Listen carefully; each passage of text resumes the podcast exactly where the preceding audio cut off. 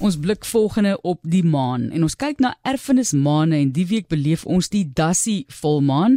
Ook 'n slottegraaf wat met ons gesels, voorsitter van die Sentrum vir Sterrekunde Erfenis in Kaapstad en hy gaan vir ons die hele konsep verduidelik. Ek sit en kyk hier na die lys en elke maan maand wat 'n ander maan dan verteenwoordig in hierdie konsep of konteks. Baie welkom in jou ouke. Ai baie dankie, baie dankie. So is die volmaan is Woensdag gevoel. Dis dis reg, ja, dis die 16de, dis die aand. Ehm um, dan as mens kyk net soos die son sak, dan word jy so pragtige volmaan op die horison te sien. Nou is natuurlik een probleem, as langer waar jy bly, jy weet mag dit agter jou buurman se huis wees of mag dit op 'n berg of so iets wees. So mens moet maar moet maar mooi wees, maar hy sal heel aansigbaar wees. So vertel vir ons net die konsep van erfenismaane. Verduidelik vir ons waar dit vandaan kom en waarna verwys dit? So dis 'n projek wat ons by die sentrum geloods het, um eet met vaste het dit het dit gedryf. Um 'n probleem wat waarmee ons het ons mense wil gesels oor sterrekunde en die rol van sterrekunde in die samelewing al weet vir eeue. Want kyk, jy weet, um ons mag polities wees vandag en sê ja, maar hier's my landsgrens en daar's jou vis plek waar jy nie mag vang nie en elke ding.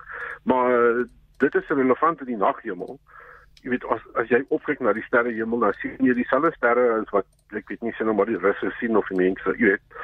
So die die die naghemel is heeltemal beskikbaar en toeganklik vir vir alle mense.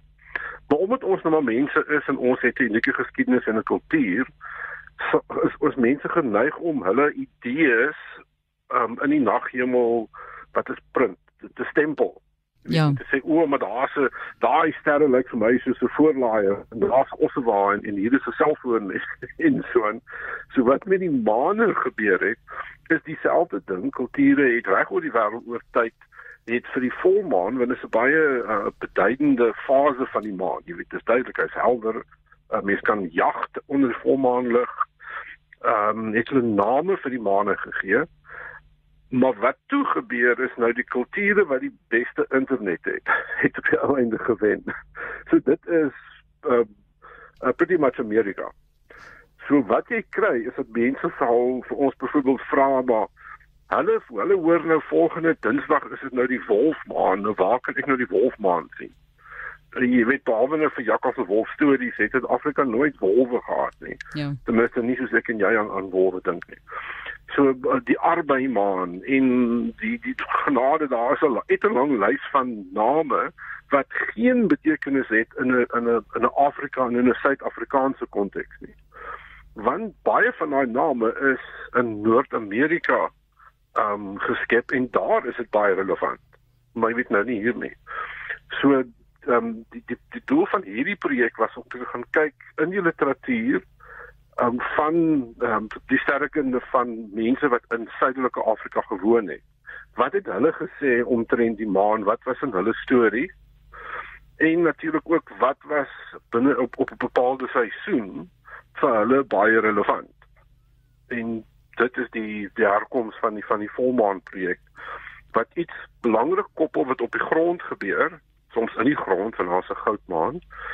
Ehm um, met wat op die kalender gebeur en hoe mens dit dan kan oorvertaal of oorvertel in terme van die maan. Kom ons gaan deur die lys. Dis my pragtige projek dink ek eintlik. Jy weet ons is baie lief vir al die mitologie en stories oor die maan. Dit is so 'n groot deel van ons lewens. Neem ons deur die maande van die maan. Ons is tans in die Dassie maan. Uh, jy het seker so 30 sekondes om iets te sê van elkeen, maar as jy vinnig vinnig vir ons kan deurdraf, sal dit interessant wees om almal te weet ek ek ek moet ek moet dalk vir jou 'n storie oor dit oor die dassie vertel. maar o, ons kan gerus ons kan gerus die deur die lys gaan. Maar Afrikaans gaan nou nie so wonderlik wees nie want wat is 'n mantis nou weer? Ja nee, dit is 'n lang lys van dinge wat jy gaan iter, moet vertaal, né? Itermagog is dit nie? Ja, Itermagog is reg. Ja.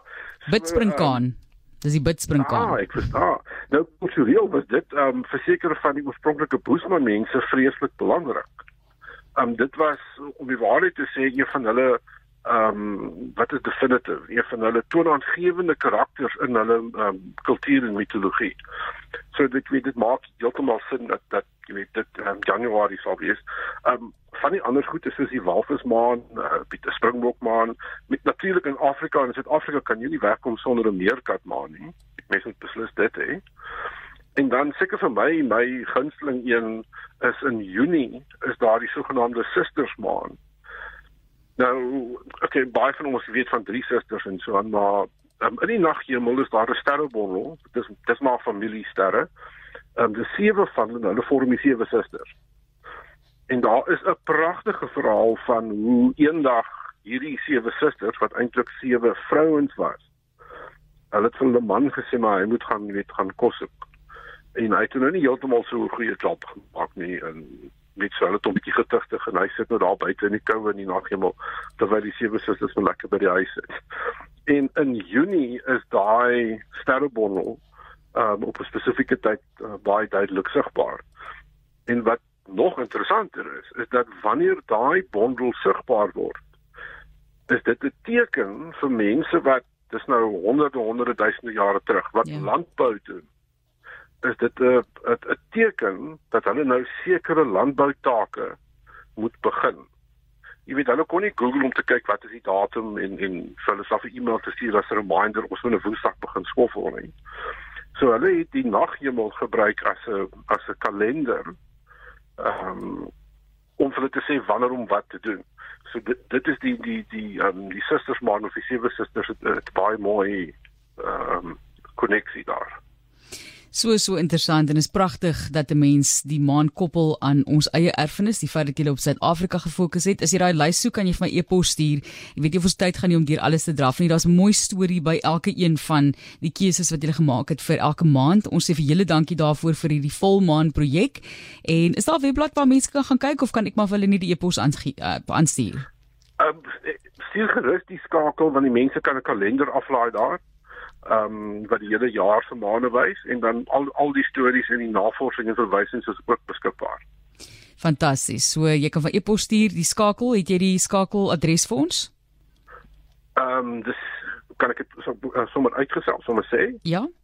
Gaan kyk sommer net op op die sentrum se hoofwebwerf. Dit is cfah.org.za.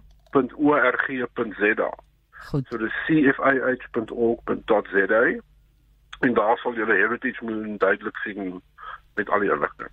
Fantasties. Ons sê vir jou baie dankie. Dankie vir hierdie projek en ek dink mense gaan dit regtig geniet om so ook ons erfenis te leer ken deur die maan. Okay, so dis ook is Dankie daarvoor is ouke slottegraaf wat met ons gesels het en dit is hierdie week die Dassie volmaan. Hy is die voorsitter van die Sentrum vir Sterrekunde Erfenis in Kaapstad. So dit is regtig 'n pragtige projek.